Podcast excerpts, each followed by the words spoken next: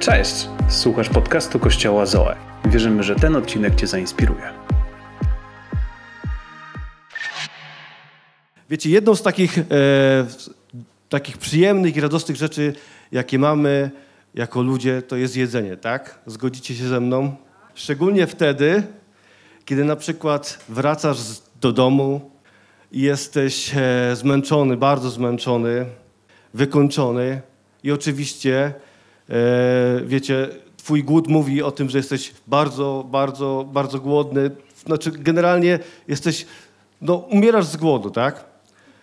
To wiecie, nic tak nie poprawi naszego samopoczucia, jak to, że wiemy, że tam czeka w domu nasz ulubiony posiłek, przygotowany przez ukochaną osobę.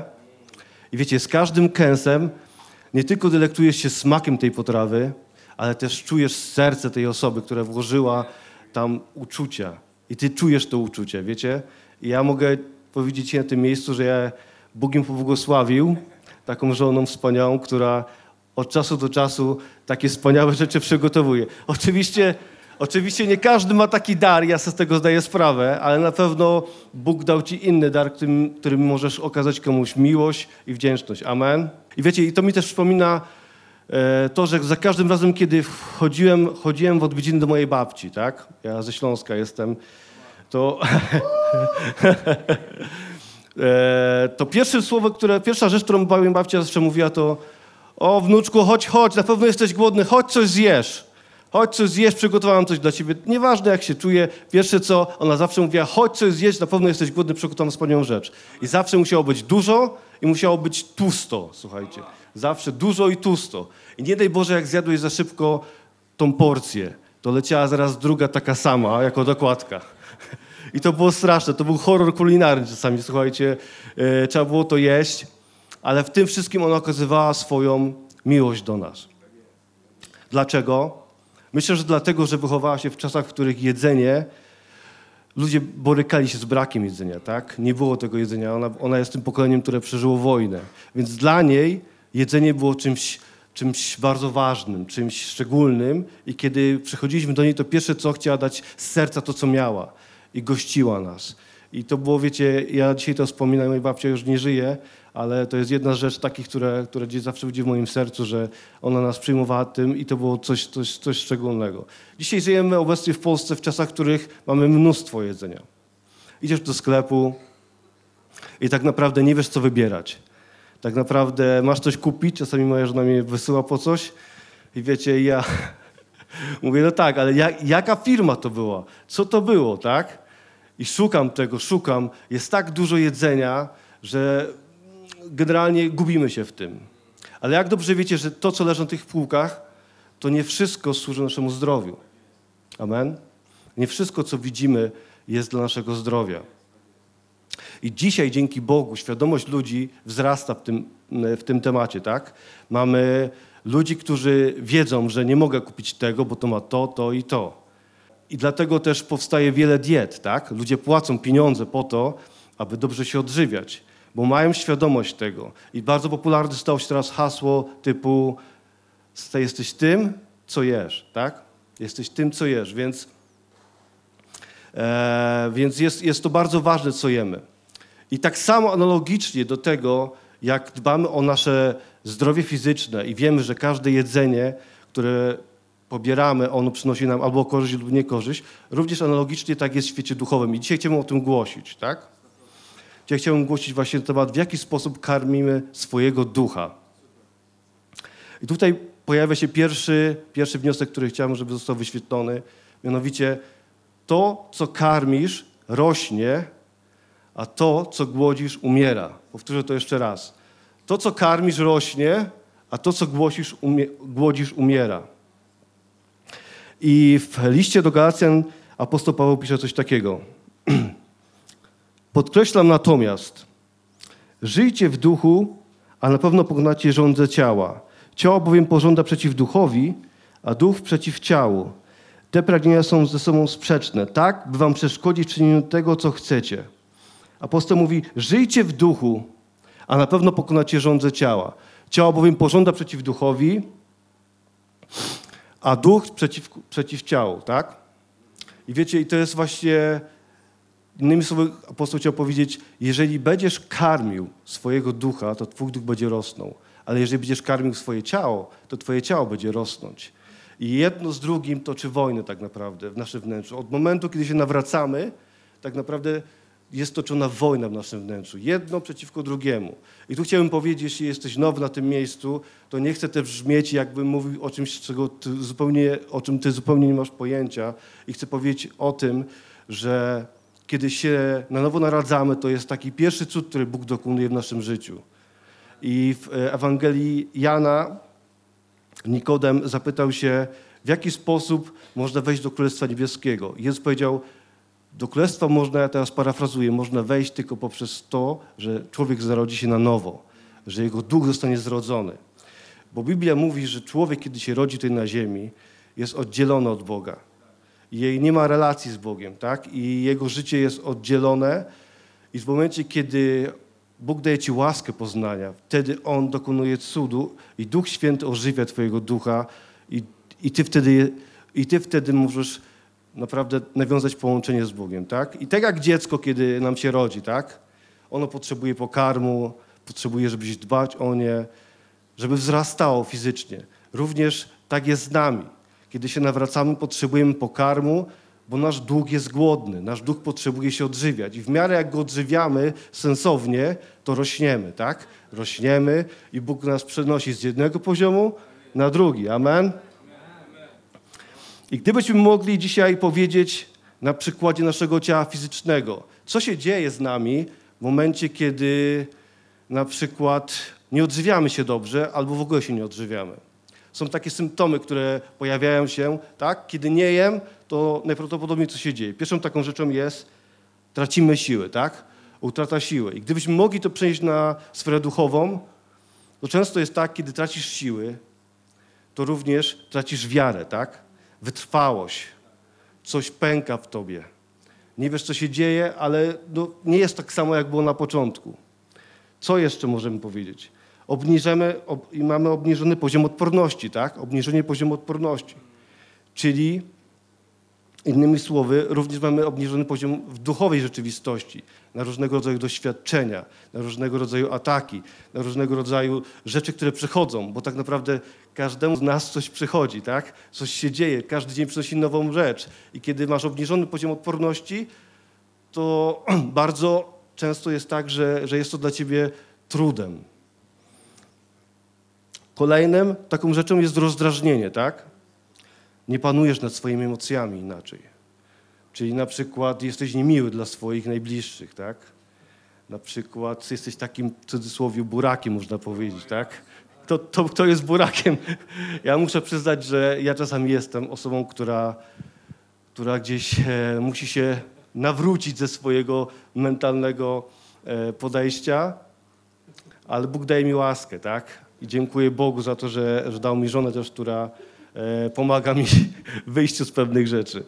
E, co jeszcze? Nadmierna senność, tak? Nadmierna senność możemy przełożyć to na poziom duchowy w ten sposób, że po prostu tracimy pasję, tracimy entuzjazm. Już nam na tak nie zależy. A nie muszę przyjść na spotkanie, tak? Co jeszcze? Utrata koncentracji, tak? Czyli inaczej czujność duchowa. Tracisz równowagę w swoim życiu. Trochę tego, trochę tamtego. Zatem w jaki sposób możemy karmić swojego ducha? Mam takie trzy punkty, które chciałbym, żebyśmy mm, mogli przejść i które wierzę, że w jakiś sposób pomogą nam zrozumieć ten temat. Punkt pierwszy. Karm swojego ducha poprzez modlitwę.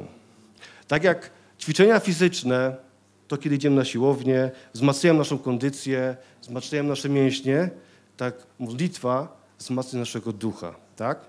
Jezus powiedział w swoim słowie tak, w Ewangelii Mateusza 26-41 rozdziale. Czuwajcie i módlcie się, abyście nie upadli w czasie próby. Duch wprawdzie pełen chęci, ale ciało słabe. Czuwajcie i módlcie się, abyście nie upadli w czasie próby. Duch wprawdzie pełen chęci, ale ciało słabe. Modlitwa tak naprawdę jest potężną bronią przeciwko pokusie i jest też tym czynnikiem, który scala Twoją relację z Bogiem i który buduje intymność Twoją z Bogiem. To jest, to jest ta rzecz, która buduje intymność z Bogiem. Wiecie, że mówimy teraz o tym aspekcie modlitwy indywidualnej, bo jest jeszcze aspekt modlitwy zbiorowej, ale to, co chcę Ci powiedzieć, to jest aspekt modlitwy indywidualnej, kiedy jesteś Ty i kiedy jest tylko Bóg. Wiecie, i Jezus mówi, czuwajcie i módlcie się, abyście nie upadli. Innymi słowy, żebyście nie upadli w czasie próby. Innymi słowy, ty nie wiesz tak naprawdę, co przyniesie kolejny dzień. Ty nie wiesz, co przyniesie kolejna chwila. Dlatego Jezus mówi, czuwaj i módl się. Mamy takie, e, taki rytuał u nas w domu, że kiedy na przykład ja zawożę dzieci albo Asia, to zawsze w aucie przed szkołą modlimy się o nich. Modlimy się, błogosławimy ich, modlimy się, Jezu, chroń ich, modlimy się, Panie, o to, byś dał im mądrość, byś strzegł ich serc, byś strzegł ich umysłów. Dlaczego to robimy? Dlatego, że mamy świadomość tego, że wróg nie śpi. I wróg użyje innych ludzi, żeby przynieść zamieszanie do ich życia, żeby przynieść roz, rozproszenie do ich życia, żeby ich zranić. Ale kiedy się modlisz, to Duch Święty używa tego i Duch Święty otacza tarczą Twoje dzieci. Dlatego bardzo ważne jest to, rodzice, aby się modlili o swoje dzieci, aby przed nawet pójściem spać też błogosławili je, bo Bóg chce mówić do Waszych dzieci. Amen? Amen. W liście do Rzymian również czytamy taki, taki werset, bardzo znany, który często jest e, w kościołach czytany. Rzymian 10:9 mówi, bo jeśli ustami wyznasz, że Panem jest Jezus i uwierzysz w swym sercu, że Bóg wzbudził Go z martwych, będziesz zbawiony. Tak naprawdę w życiu każdego wierzącego jest taki moment, w którym zaczynasz wołać do Boga. Ten pierwszy moment. Kiedy człowiek jest w, kanda, w kajdanach swojego grzechu i w ciemności.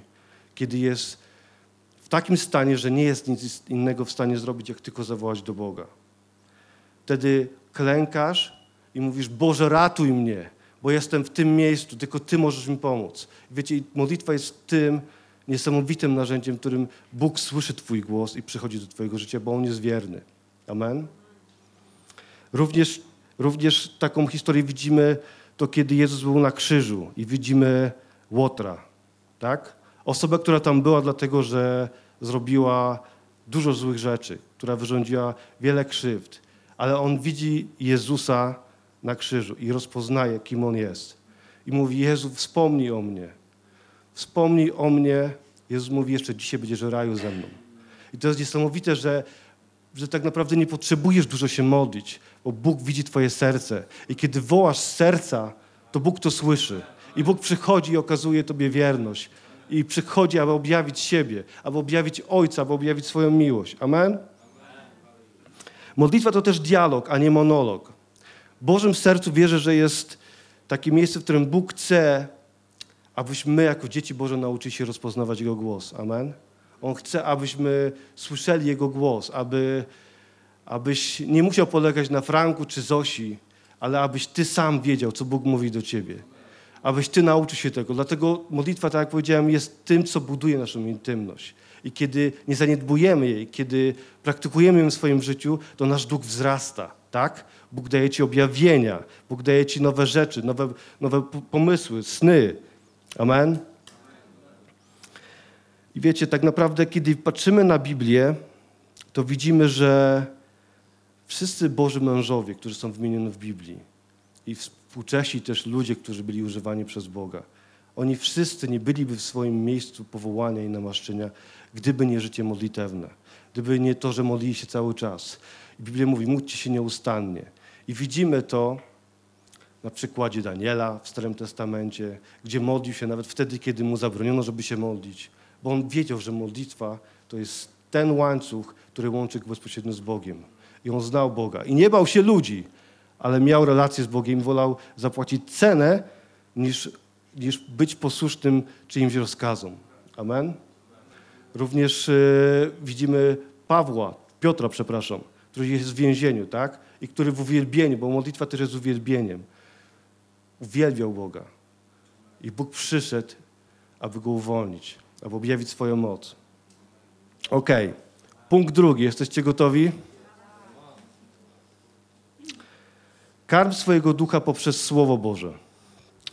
Wiecie, Słowo Boże e, przede wszystkim ochrania nas przed upadkiem w grzech i pokazuje nam właściwą drogę, którą powinniśmy przejść.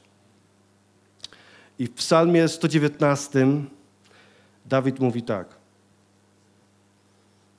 Jak młody człowiek zdoła zachować w czystości swe życie, przez to, że będzie przestrzegał Twego słowa, szukam Cię całym sercem.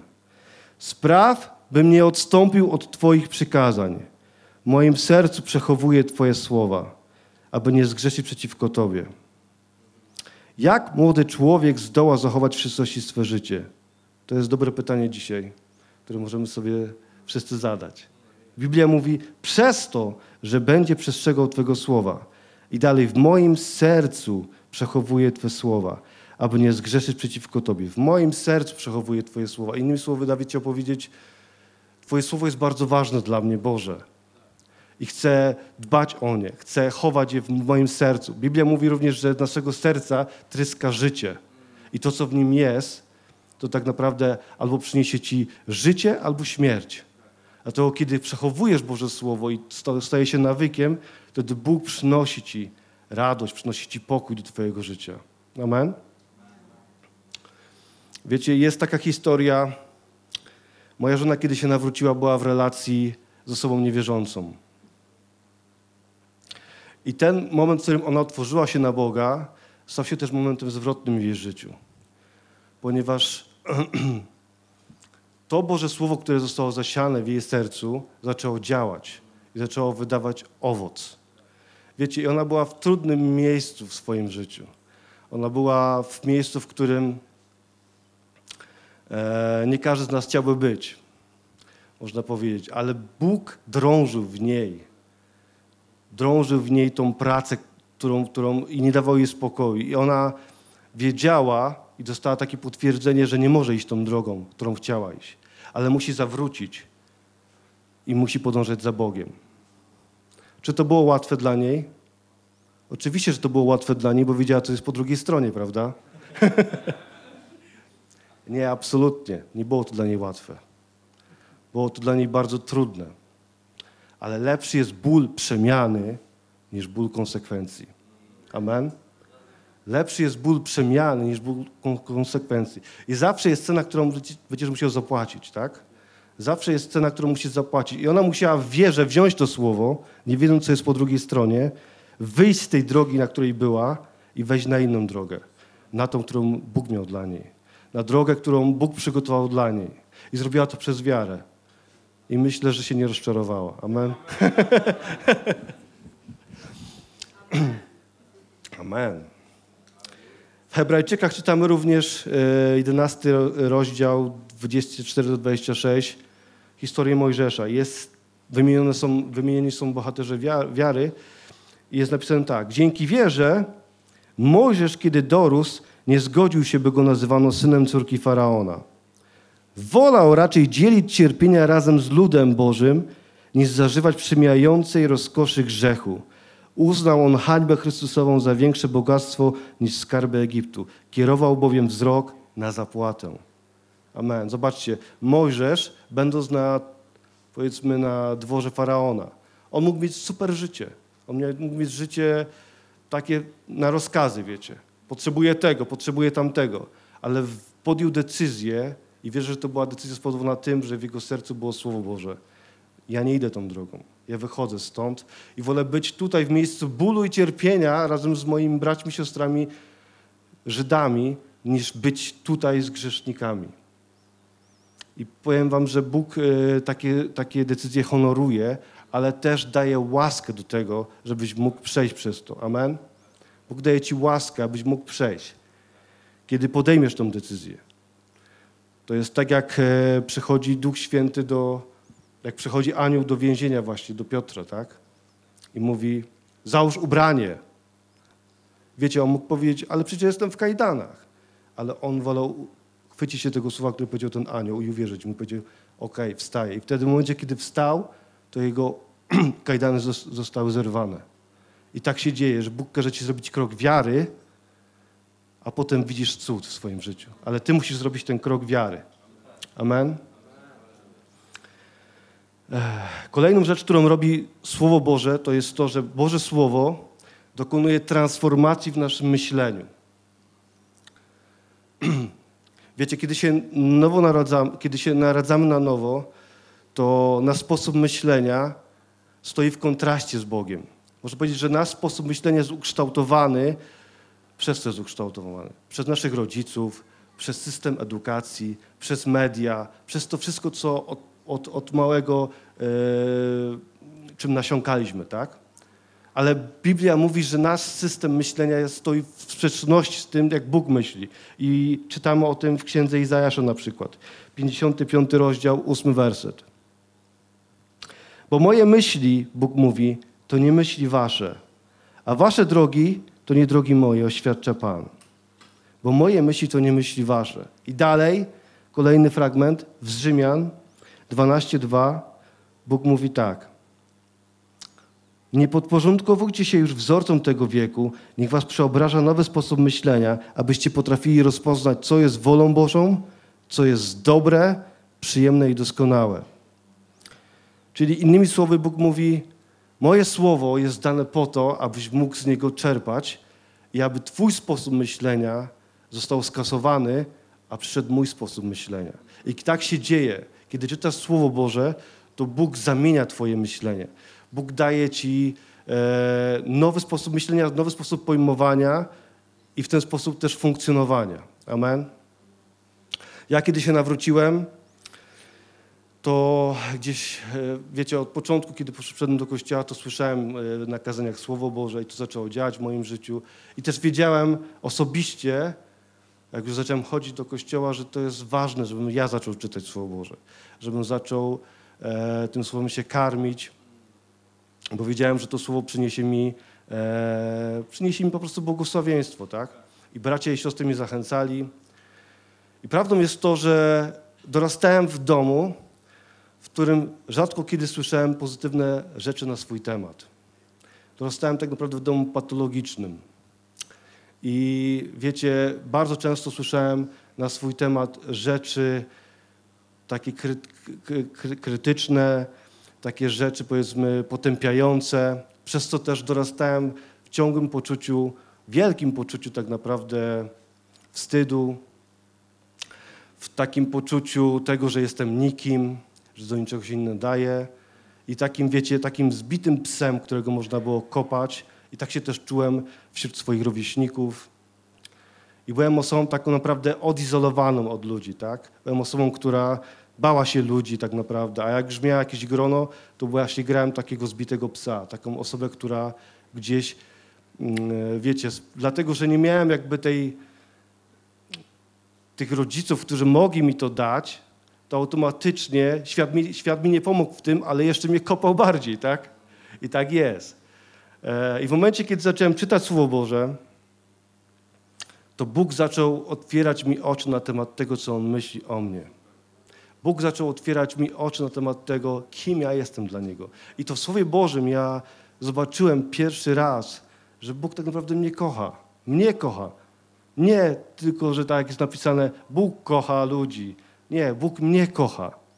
Wiecie, i kiedy mówię, że Bóg mnie kocha, Bóg mnie akceptuje, Bóg ma dla mnie plan, to tak naprawdę, kiedy, kiedy Duch Święty oświecił to słowo, bo to jest tak, że czytasz Biblię i nagle przychodzi Duch Święty i On ci to objawia i poświadcza w twoim sercu. I to jest zupełnie inne, inny rodzaj przyjmowania słowa. To jest słowo, które jest ci objawione. Słowo, które staje się rzeczywistością dla ciebie. Wiecie, i to słowo stało się taką kotwicą dla mnie, tak? Kotwicą, której nikt nie może ci zabrać, bo kiedy Bóg ci coś objawia, to tak naprawdę nic nie jest w stanie ci tego zabrać. I podobną rzecz widzimy również, kiedy apostoł Piotr mówi do Jezusa: Ty jesteś syn Boży, wybrany, umiłowany. I Jezus mu odpowiada mu: Nie ciało i krew ci to objawiły, ale mój ojciec, który jest w niebie. Innymi słowy, Duch Święty przyszedł i objawił ci. I ja wierzę, że dzisiaj może jesteś taką osobą, która podobnie jak ja czuje brak wartości, czuła brak wartości, e, czuła dyskomfort wśród innych. Czytaj Słowo Boże, bo Bóg chce ci pokazać i objawić prawdę o tobie, kim jesteś. Że jesteś Jego synem córką umiłowaną, że On ma plan dla ciebie i On przygotował wspaniałe rzeczy dla ciebie. Amen.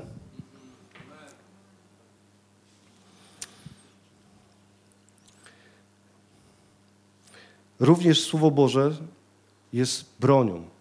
Słowo, Słowo Boże to potężna broń. Amen. I w Ewangelii Mateusza jest napisane,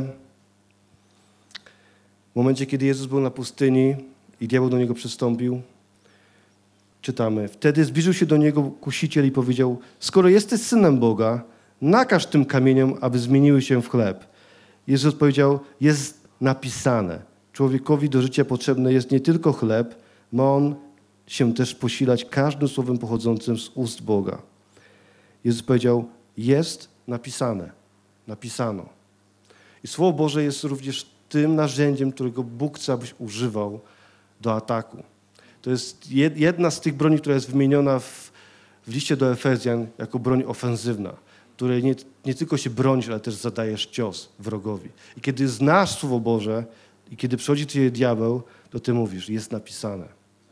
I to Słowo staje się do ciebie fundamentem i filarem i skałą, na której możesz skać, stać. Amen? Ok. I ostatni, trzeci punkt. Karm swojego ducha poprzez relacje z właściwymi ludźmi. Karm swojego ducha poprzez relacje z właściwymi ludźmi. I w liście do Koryntian czytamy takie, takie słowa. Apostoł Paweł pisze tak. Bez żadnej politycznej poprawności. Nie łudźcie się. Złe towarzystwo psuje dobre obyczaje. Otrzeźwiejcie wreszcie i przestańcie grzeszyć, bo niektórzy z was w ogóle nie rozumieją Boga. Mówię to, żeby was zawstydzić. Nie łudźcie się, złe towarzystwo psuje dobre obyczaje. Inne tłumaczenie mówi, złe towarzystwo wykrzywia dobry charakter. Psuje dobry charakter. To, co chciał apostoł Paweł powiedzieć nam, to to, że nie możemy się okłamywać sami siebie. I myśleć, że kiedy idziesz w towarzystwie, w towarzystwie osób, które mają na ciebie zły wpływ, że to nie ma na ciebie wpływu. Prawdą natomiast jest to, że kiedy idziesz z tymi ludźmi, to przebywanie wśród nich nigdy nie doprowadzi cię do takiego miejsca, w którym zaczniesz robić dobre rzeczy, ale bardziej przeciwnie. Zaczniesz coś ściągać w dół. Zaczniesz w tym e, odchodzić od Boga. I prawdą jest również to, że wcześniej czy później będziesz musiał podjąć decyzję. Będziesz musiał podjąć decyzję, w której powiesz nie i odetniesz się od tej relacji. I jednocześnie twoje nie stanie się tak dla Boga. I twoje tak dla Boga poprowadzi cię dalej i Bóg będzie miał dla ciebie nowe rzeczy i prowadzi cię na nowy poziom. Ale to ty musisz podjąć de- decyzję. Dlatego te decyzje, które ty dzisiaj podejmujesz, zaważą o twojej przyszłości jutro. Amen? E, na przykład, jeśli zmagasz się z problemem alkoholowym, to nie idziesz w piątek zaproszony przez kolegów do baru, bo wiesz, jak to się skończy. Mówię o problemie alkoholowym, to może być, tu możesz sobie wymienić różne rzeczy, które są. Jeśli wiesz, że masz problem z tym czy z tym, to nie robisz tego czy tego. Ale raczej podejmujesz decyzję, Boże, dzięki Twojej łasce, ja wiem, że Ty mi dasz siły, wyjdę z tego i podejmuję decyzję świadomie, żeby iść tam, żeby iść na spotkanie, na spotkanie kościoła, żeby iść na spotkanie grupy domowej. Bo tam Duch Święty może mnie dotknąć, Duch Święty może dać mi nowy pomysł, może dać mi nowych przyjaciół i zainspirować mnie. Amen? Bo to jest życie. I w przypowieściach Salomonach y, czytamy również taki, taki werset. 13:20. Kto przestaje z, mąd- z mędrcami, mądrzeje, lecz kto się brata z głupcami, niszczeje. I drugi fragment. Ranny zadane przez kogoś, kto kocha, są oznaką wierności. Pocałunki człowieka, który nienawidzi, są tylko pozorami. Wiecie, to jest ciekawy fragment. Rany zadane przez kogoś, kto kocha, są oznaką wierności. Pocałunki człowieka, który nienawidzi, są tylko pozorami. Czasami ci się wydaje, że jak ktoś do ciebie coś powie w kościele, to on ci zadał ranę. Ale tak wcale nie musi być. ponieważ Bóg używa nas w Kościele. I dlatego powiedziałem o tym, że kiedy decydujesz świadomie się pójść do Kościoła, to tak naprawdę idziesz do miejsca, w którym Bóg chce objawić siebie przez innych ludzi. Ja wierzę w to, że Kościół jest takim miejscem, w którym Bóg łączy nas ze sobą razem i takim miejscem, gdzie dary Boże przewijają się, gdzie ludzie sobie usługują nawzajem, gdzie ludzie w mądrości Bożej, bo Bóg na, nas inspiruje, przychodzą i mówią ci pewne rzeczy. Słuchaj, bracie, jesteś wspaniały. Słuchaj, siostro, masz, masz niesamowity talent. Albo, wiecie, ins- inspirują nas, tak? I przez, przez nich Bóg chce działać. Ale to jest również miejsce, w którym, w którym ktoś przychodzi do ciebie i powie ci na przykład, słuchaj, e, nie wiem, czy widzisz, ale masz problem z tym i z tym. Wiecie, i to może być, to może być taką raną z pozoru, którą ktoś ci zadaje, ale tak naprawdę ktoś mówi o tym, ponieważ cię kocha i ponieważ chce twojego dobra. Wiecie, i dla mnie e, bycie w małżeństwie to jest taki, taki stan, w którym często zadajemy sobie, wiecie, takie rany, tak? Ale to są dobre rany. Ja dziękuję moj, za moją żonę, która mi takie rany zadaje, wiecie. A ona, ona ma taki super skalpel, który rozcina i pokazuje, zobacz, to jest chore. Zobacz, to musisz wziąć i naprawić w swoim życiu. Zobacz, tutaj, spójrz na to. Wiecie, i na początku jaka jest moja reakcja? O, kochanie, dziękuję Ci tak bardzo, czekałem na to, żebyś mi to powiedziała. Nie, jest inaczej, słuchajcie. Na początku walczę, walczę ze sobą. Nie, no co Ty mówisz? Ale wiem potem, po w krótkiej chwili, że ona ma rację. Że Bóg jej używa. Że Bóg mi pokazuje to nie po to, żeby, żeby mnie zgnoić, ale po to, żeby, żebym mógł wzrastać. I Bóg używa tego w Kościele. Że ktoś przyjdzie i powie ci, słuchaj stary, masz problem z tym, rozumiesz? A ty mówisz, nie rozumiesz. I dalej masz z tym problem. Ale wiecie, prawda jest taka, że, że w miłości, kiedy przychodzimy do siebie i kiedy Duch Święty nas inspiruje, to Bóg będzie takich rzeczy dotykał. Po to, żeby przynieść wolność do naszego życia. I ja w taki sposób, e, w taki sposób właśnie doświadczam wolności, że Bóg czasami, używając oczywiście moich żony i innych osób, tak, bo najlepiej nas znają ci, co są najbliżej nas, pokazuje mi te rzeczy. Amen? E, wiecie, takim przykładem osoby, która zbłądziła w Biblii jest Samson i, Samson i jego relacja z Dalilą. Tak? Osoba, która była namaszczona, która się zakochała, ale która nie rozpoznała tego, że ta osoba, z którą on, że ta osoba, z którą on, on sypia, to jest tak naprawdę wróg. Tak? Dlatego my musimy być mądrzy i jeżeli chcemy karmić właściwie swojego ducha, to musimy wybierać właściwe relacje. Amen? Amen. Również ważną rzeczą jest to, żebyś mógł znaleźć osobę w kościele, przyjaciela, przyjaciółkę, przed którą będziesz transparentny, przed którą będziesz mógł powiedzieć, jak się czujesz, co przeżywasz, przed którą będziesz mógł wyznać również grzechy swoje. I Biblia mówi tak. Jakuba 5, 16. Wyznawajcie zatem grzechy jedni drugim i módlcie się o siebie nawzajem, abyście w ten sposób zostali uzdrowieni. Modlitwa sprawiedliwego może odnieść wielki skutek. Wyznawajcie zatem grzechy jedni drugim i módlcie się o siebie nawzajem. Czy to jest łatwe komuś zaufać na tyle, żeby opowiedzieć o swoich grzechach? Nie jest łatwe. I naprawdę potrzebujesz znaleźć osobę, która będzie dla ciebie wsparciem, która cię nie potępi, kiedy ty upadniesz, ale kiedy będzie razem z tobą i pomoże ci przejść przez to krok po kroku. Amen? Która będzie osobą, która wysłucha cię, ale też która da ci rady i wskazówki. Bo grzech najlepiej rośnie w atmosferze ciemności. I diabeł chce, abyśmy byli ludźmi, którzy mają dwa światy. Mamy Kościół i mamy swoje życie, o którym nikt nie wie. Nie, Bóg chce, abyś był w prawdzie, abyś żył w prawdzie. I abyś miał relacje i wierzę, że grupa jest takim miejscem też, w którym możesz znaleźć takie osoby, w którym możesz mówić szczerze, w którym możesz się modlić i Bóg cię przeprowadzi przez, mm, e, przez twoje problemy. Amen? Okej, słuchajcie, i na koniec podsumowując, możemy już wstać.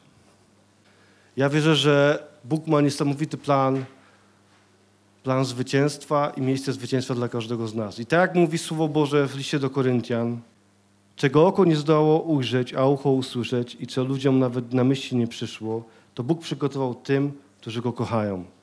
Dlatego my musimy dzisiaj podjąć decyzję. To ty i ja muszę, muszę podjąć decyzję, czym ja się będę karmił.